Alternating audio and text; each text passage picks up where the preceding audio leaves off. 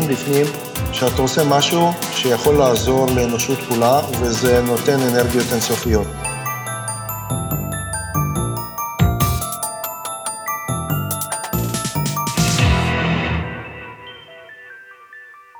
שלום וברוכים הבאים לתוכנית מספר 14 בפודקאסט של טק טיים, עם האנשים שמאחורי הטכנולוגיה. אני יוחאי שוויגר. על פי ארגון הבריאות העולמי, ישנם בעולם כמעט 40 מיליון אנשים שסובלים מעיוורון. חברת מדיקל דיווייס קטנה מהרצליה פיתחה טכנולוגיה שמספקת כעת לרבים מהם תקווה לשוב ולראות יום אחד.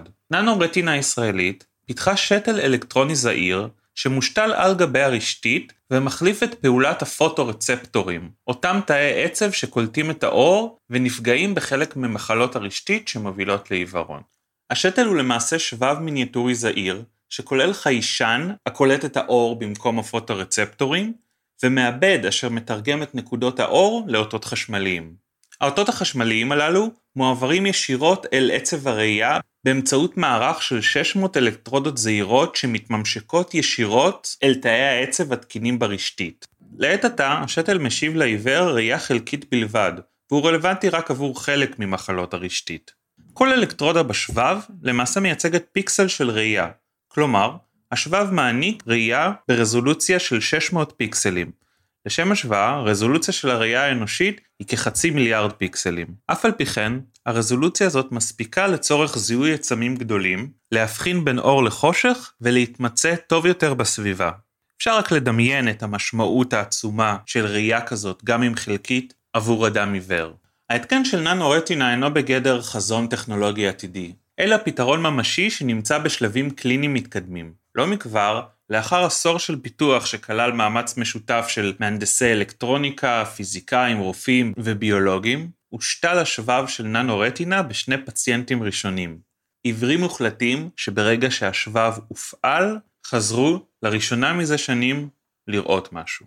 דיברתי עם מנכ"ל החברה, יעקב מילשטיין, על המנגנון העדין של השבב והפיתוח המורכב, על תוכניותיה הקליניות והעסקיות של החברה, וגם איך מרגיש מהנדס אלקטרוניקה מלב תעשיית הסמי קונדקטור, שאחראי על פיתוח של צ'יפ זעיר שמחולל נס גדול. שתהיה האזנה נעימה.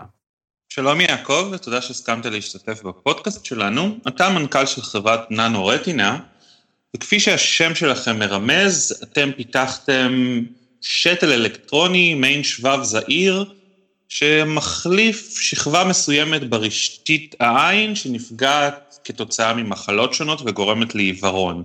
אז לפני שקצת נרד לפרטים הטכנולוגיים, אני אשמח אם קצת תוכל להסביר לנו באיזושהי צורה סכמטית איך עובדת הראייה, ככה שנוכל להבין בדיוק כיצד אה, פועל התחליף האלקטרוני שפיתחתם.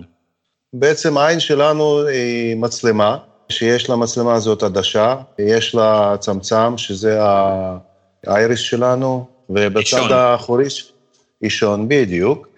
ובצד האחורי של העין יש את הפנימית הזאת שקוראים לה רטינה, והיא בעצם אה, מין... אה, היום אנחנו בעולם הדיגיטלי, אז אה, החיישן הדיגיטלי של האור, או אה, בזמנים שאני עוד התעסקתי בצילום, זה היה פילם. אז זה בעצם סרט צילום אה, שנמצא בצד האחורי של העין. ורטינה אה, מורכבת בעיקרון אה, משלוש שכבות עיקריות. השכבה הכי קרובה לעדשה, זאת אומרת, השכבה שהכי קרובה לעולם החיצוני, היא שכבה שלא רואה את האור. היא שכבה שקוראים לה גנגליון סלס, תאים גנגליונים. זה בעצם מערך של נוירונים שמהם יוצאים עצבים לעצב האופטי שמגיע למוח. מתחת לזה יש שכבה של תאים שקוראים להם תאים ביפולריים, והחיבור בין השכבה העליונה לבין שכבה הפנימית יותר, היא חיבור של הרבה לאחד. זאת אומרת, כמה וכמה תאים ביפולריים, מתחברים לתאים גנגליונים באמצעות סינפסות. מתחת לזה יש עוד שכבה, שהיא שכבה הכי, הכי עמוקה ברטינה, והיא שכבה שבעצם אה, רגישה לאור. זה קצת בניגוד להיגיון, כי האור צריך לעבור דרך שני השכבות עד שהוא מגיע לשכבה הפנימית הכי עמוקה. זאת שכבה של אה, סנסורים, אה, פוטורצפטורים, הם בעצם רגישים לאור.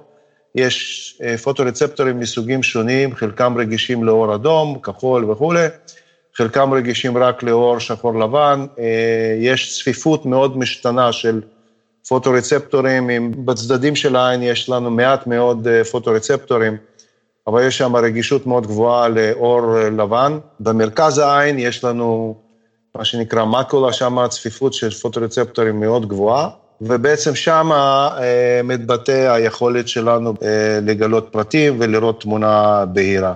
גם הם מחוברים אה, הרבה לאחד, זאת אומרת כמה פוטורצפטורים מחוברים לתא ביפולרי, וכך בעצם נוצרת מין רשת, נטוורק, שאוסף תמונה שמגיעה לעין דרך האישון, דרך העדשה, נקלטת בתור פוטורצפטורים, פוטורצפטורים יוצרים סטימולציה אלקטרוכימית לתאים הביפולריים, תאים הביפולריים עושים עיבוד מסוים של האינפורמציה ועושים סטימולציה להמשך הדרך, ותאים הגנגליונים שולחים את האינפורמציה למוח, וכך אנחנו מקבלים תמונה בראש שלנו. ובמרבית המחלות שגורמות לעיוורון, מה, איזה שכבה של תאים נפגעת? יש הרבה מאוד מחלות עיניים, אנחנו מתרכזים בעיקרון במחלות שהן ניוון של השכבה הפנימית של הפוטורצפטורים. יש מחלות שפוגעות בעצב האופטי, או יש מחלות, או מחלות, או אנשים שנולדים עם, עם אה, עצב אופטי לא מפותח, או מערכות אופטיות לא מפותחות, שבעצם לא ראו אף פעם. אה, אנחנו, לצערנו, עוד לא הגענו ליכולת אה, לתת להם פתרון. אבל יש מחלות שהן בעצם ניוון של תאים פוטורצפטוריים, מסיבות למיניהם. יש מחלה גנטית מאוד ידועה, קוראים לה רטיניזיס פיגמנטוזה, סליחה על, הטרמינולוגיה, ומאות אלפי אנשים בעולם נפגעים ממנה. והמחלה הזאת היא, היא כזאת שבעצם בן אדם נולד ורואה, ובמהלך חייו לאט לאט מאבד את הראייה. יש מחלות ניוון, אה, קוראים למחלות האלה AMD, זה Age-Related Macular Degeneration, שהן בעצם אה, גם כן מחלות של ניוון של אותם תאים, פוטורצפטורים, היא מחלה שפוגעת בהרבה מאוד אנשים מבוגרים. וכמה שהאורך חיים אה, גדל, ככה המחלה הזאת אה, יותר ויותר נפוצה. ויש אה, עשרות מיליונים של אנשים בעולם שסובלים מהדבר הזה. גם סוכרת גורמת לניוון של התאים האלה, קוראים לתופעה הזאת דיאבטיק רטינופתי, שבעצם גם היא גורמת לתאים לאבד יכולת לתרגם פוטונים לחשמל, וגם לשם אנחנו מקווים לתת פתרון. אז עכשיו כשהבנו את ה... נקרא לזה את הביולוגיה של העין, תוכל קצת לספר לנו, אתם כאמור פיתחתם רשתית רטינה מלאכותית שעובדת בצורה אלקטרונית, שהיא שבב, וכמו שאמרת, מחליפה את הפוטורצפטורים, את התאים שקולטים את האור ובעצם מעבירים את זה הלאה לשכבות הבאות. אז תוכל קצת לתאר לנו איך נראית, איך עובדת המערכת שלכם, איך היא בעצם מחליפה את הפעולה התקינה של התאים? המערכת שלנו מורכבת משני, משני אה, מרכיבים. יש אה, משקפיים חיצוניות שתכף נתאר אותם יותר בפירוט, ויש את השתל עצמו שהוא מושתל לתוך הרשתית, זאת אומרת, זה מין אה, שבב עם אה, אלקטרודות בצד האחורי שלו, שהאלקטרודות חודרות לתוך הרשתית ומגיעות לשכבה של הפוטורצפטורים. השבב עצמו זה מין מודול אה, שמכוסה בקפסולה מזכוכית, ובפנים יש אה, חמישה אה, צ'יפים שונים, ולמעשה הדבר הזה הוא, מצלמה אלקטרונית דיגיטלית. זה מצלמה, יש חיישן... image בתוך, בתוך הדבר הזה, יש מעבד אות, יש converter A to D, מעביר מסיגנלים אנלוגיים לדיגיטליים, ויש סטימולטורים שבעצם שולחים פולסים לתוך האלקטרודות. מה שקורה זה בעצם אנחנו משתמשים בעדשה של המטופל, מקבלים image בתוך המצלמה, אנחנו מתרגמים את האימג' הזה לאוסף של פולסים חשמליים ושולחים אותם דרך האלקטרודות לתוך הרטינה, ובעצם מייצרים סטימולציה של אותם תאים ביפולריים, שקודם קיבלו סטימולציה מהפוטורצפטורים, עכשיו מקבלים סטימולציה מהאלקטרודות שלנו. והתאים האלה, מה שנקרא, מבינים את הסטימולציה השונה הזאת? הם יודעים לתרגם אותה, לעבוד איתם? זאת שאלה מצוינת, כיוון שתמיד שואלים אותי איך אתם יודעים להתחבר לעצב המסוים וכולי וכולי. התשובה היא יותר פשוטה ויותר מורכבת. קודם כל, המחקר בתחום של neurostimulation ברטינה הוא בין משהו כמו 30 פלוס שנה. וכבר הוכח אה, לפני די הרבה זמן שאם אה, אה, מכניסים אלקטרודה לתוך הרטינה ונותנים פולס חשמלי, המטופל רואה נקודה לבנה, נקודת אור. עכשיו, אם אתה תדמיין מערך של אלקטרודות, נגיד 24 על 24, במקרה, במקרה כמו אצלנו, ואתה תרצה לצייר תמונה מנקודות לבנות ושחורות, זה בעצם מה שצריך לעשות. אז אנחנו, לחלק לאלקטרודות אנחנו ניתן פולסים חשמליים ולחלק לא. ועל ידי זה אנחנו בעצם מייצרים image uh, שהוא שחור לבן ברזולוציה של 600 פיקסלים.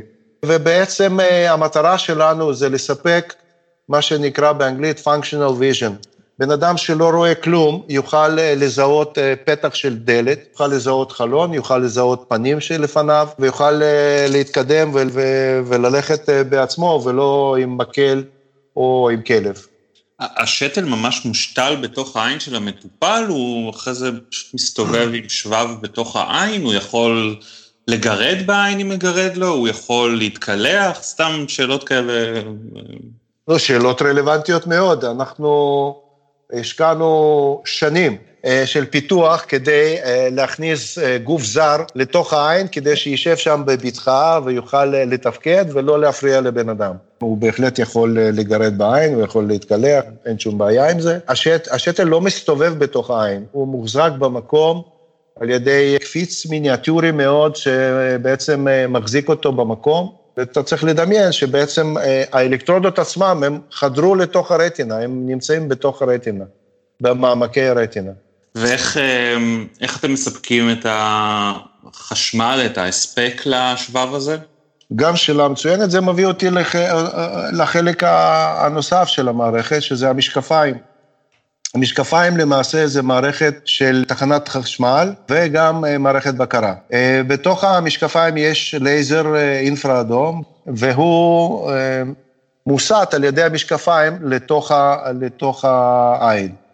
בתוך השתל שלנו יש שני תאים פוטו-וולטאיים. כמו שאמרתי, יש לנו שם חמישה צ'יפים, השניים מהם זה תאים פוטו-וולטאיים, שבעצם אוספים את, ה, את האור הזה, האינפרה-אדום, מהלייזר, והופכים את זה לחשמל.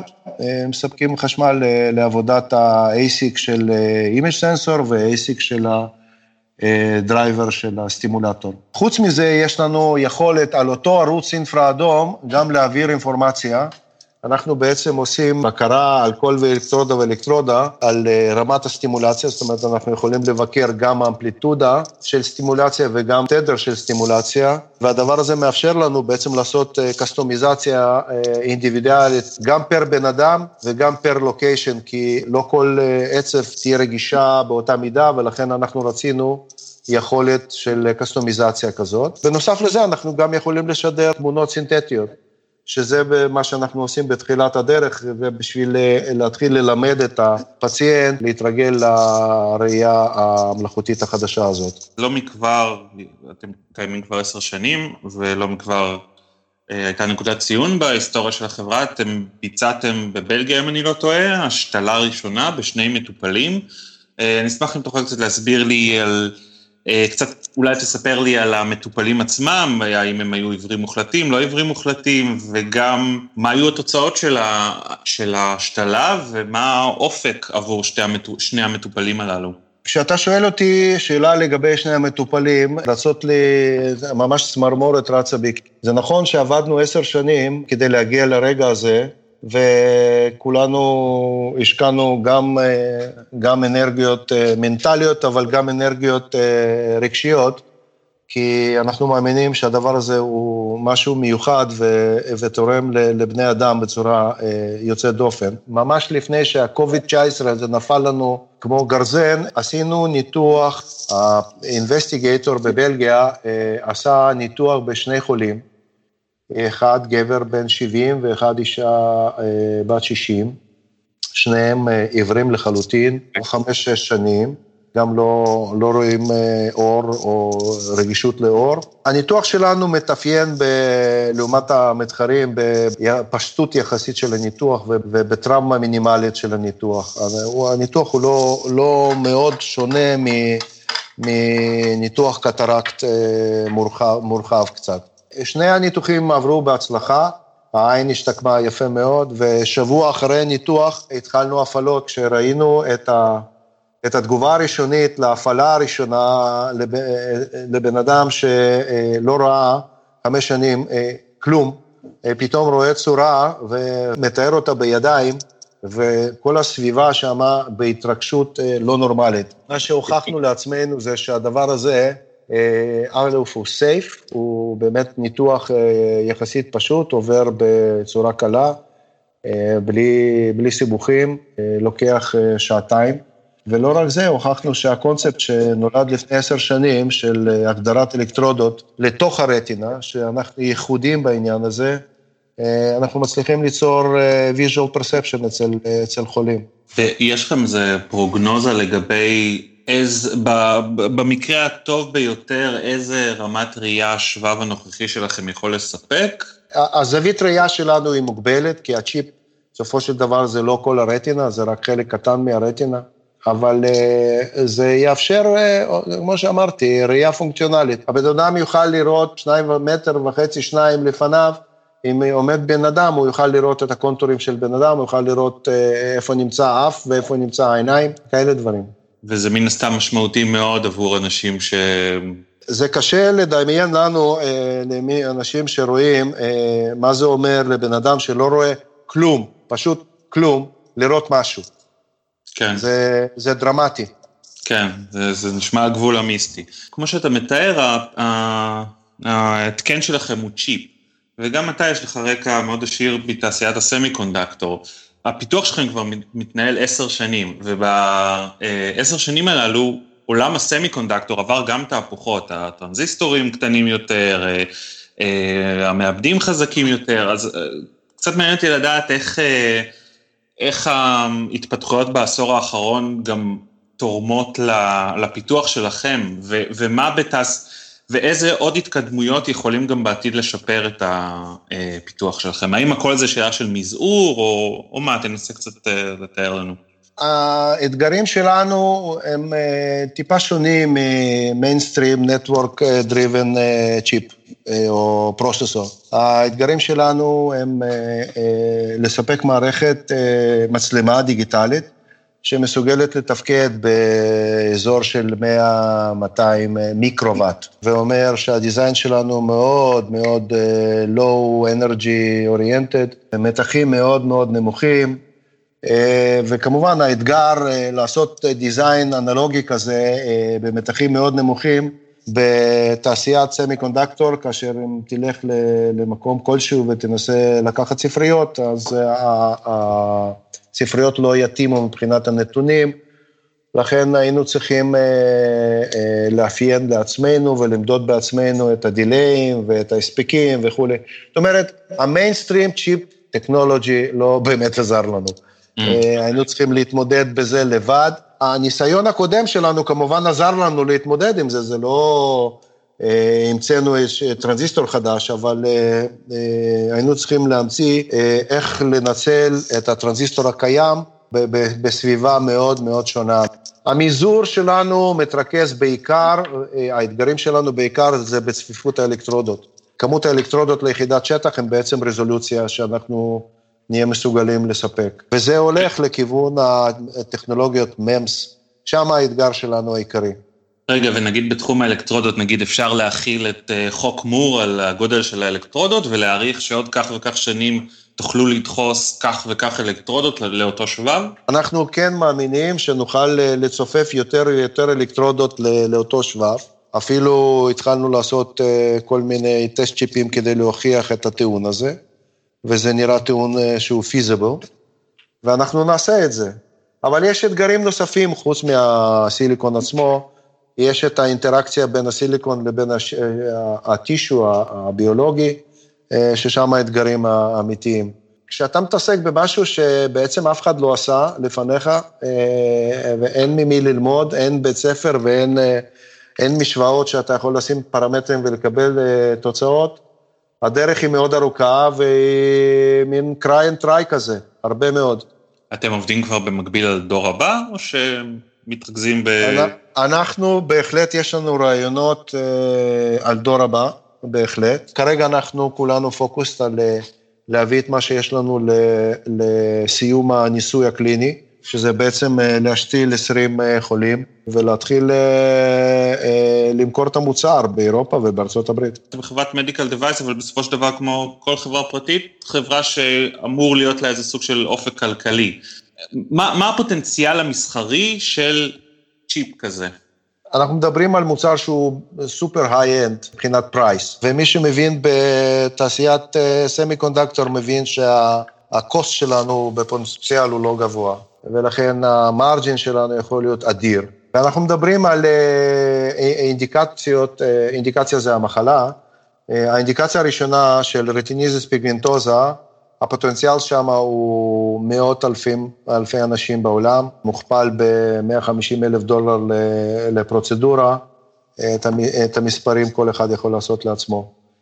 וזה רק ברטיניזיס פיגמנטוזה. ובגל הבא נמצא המחלה היותר נפוצה, אה, שהיא AMD, ושם יש מיליונים.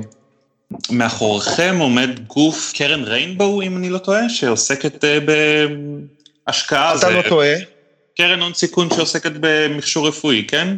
ריינבו מדיקל זה יצור אה, מאוד מעניין, הוא לא קרן אה, הון סיכון אה, והוא לא אינקובטור, הוא משהו לא ביניהם, אלא גם וגם. למעשה Rainbow Medical, ובתוך ה Rainbow יש בחור בשם יוסי גרוס, הם הג'נרייטור של ה-ideas. הם בעצם מולידים רעיון כלשהו בתחום medical devices, ואז uh, מחפשים uh, הוכחה feasibility בסיסי, ואז uh, הופכים את זה לחברה, ומביאים את זה לשוק. ריינבו מדיקל קיים uh, uh, יותר מעשר שנים, ויש בו כמה וכמה uh, פיתוחים מאוד מאוד uh, פורצי דרך. ריינבו מדיקל היא חברה עם, עם, עם אורך נשימה מאוד ארוך, וגם חברה עם ניסיון עצום בתחום המדיקל דיווייסס. והם יודעים ומבינים ש-Medical Devices זה משהו שלוקח בין 10 ל-15 שנה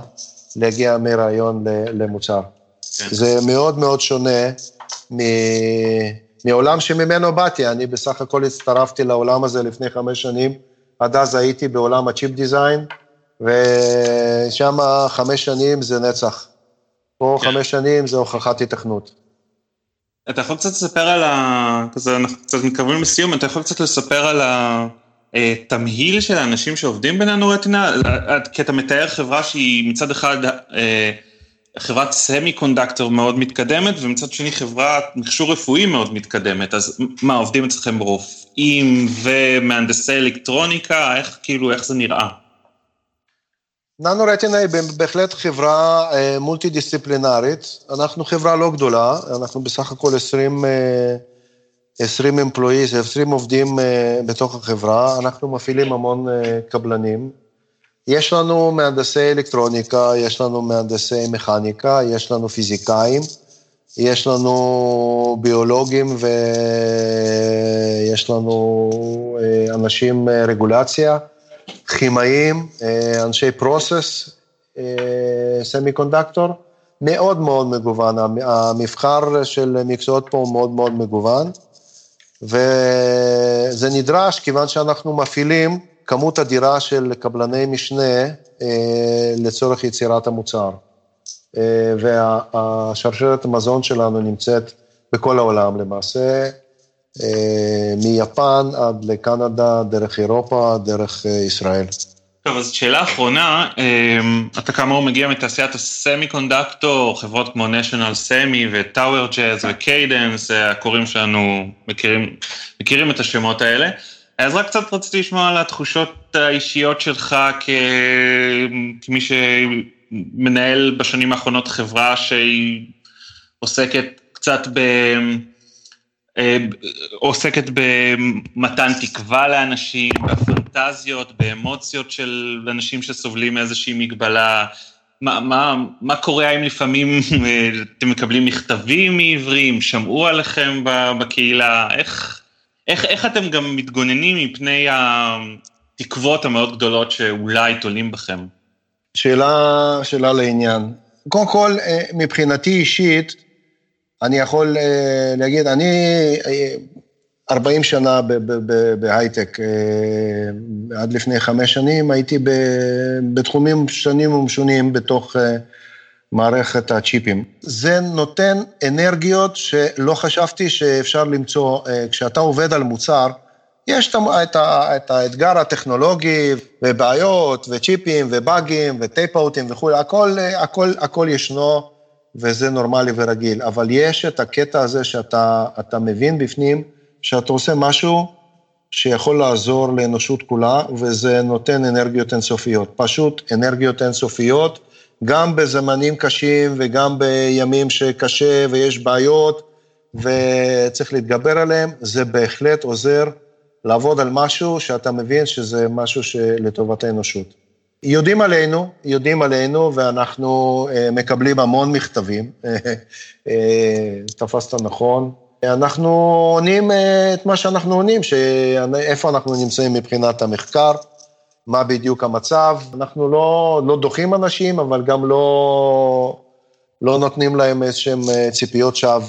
אני יכול להגיד שלנו, התחום שאנחנו עוסקים בו, עוזר לנו לשמור על הכיוון, לשמור על, אה, על אנרגיות, להמשיך להתקדם, אה, ואני כולי אמונה ותקווה שנצליח להביא את המוצר הזה ולהביא אותו לאנשים כמה שיותר מהר. תודה רבה לך יעקב, בהצלחה ואנחנו נמשיך לעקוב אחריכם ב-Techtime. תודה רבה על ההאזנה, אני מקווה שנהניתם. אתם מוזמנים להמשיך ולעקוב אחר הכתבות באתר שלנו, techtime.co.il, להירשם לניוזלטר ולהקשיב לפרק הבא בפודקאסט.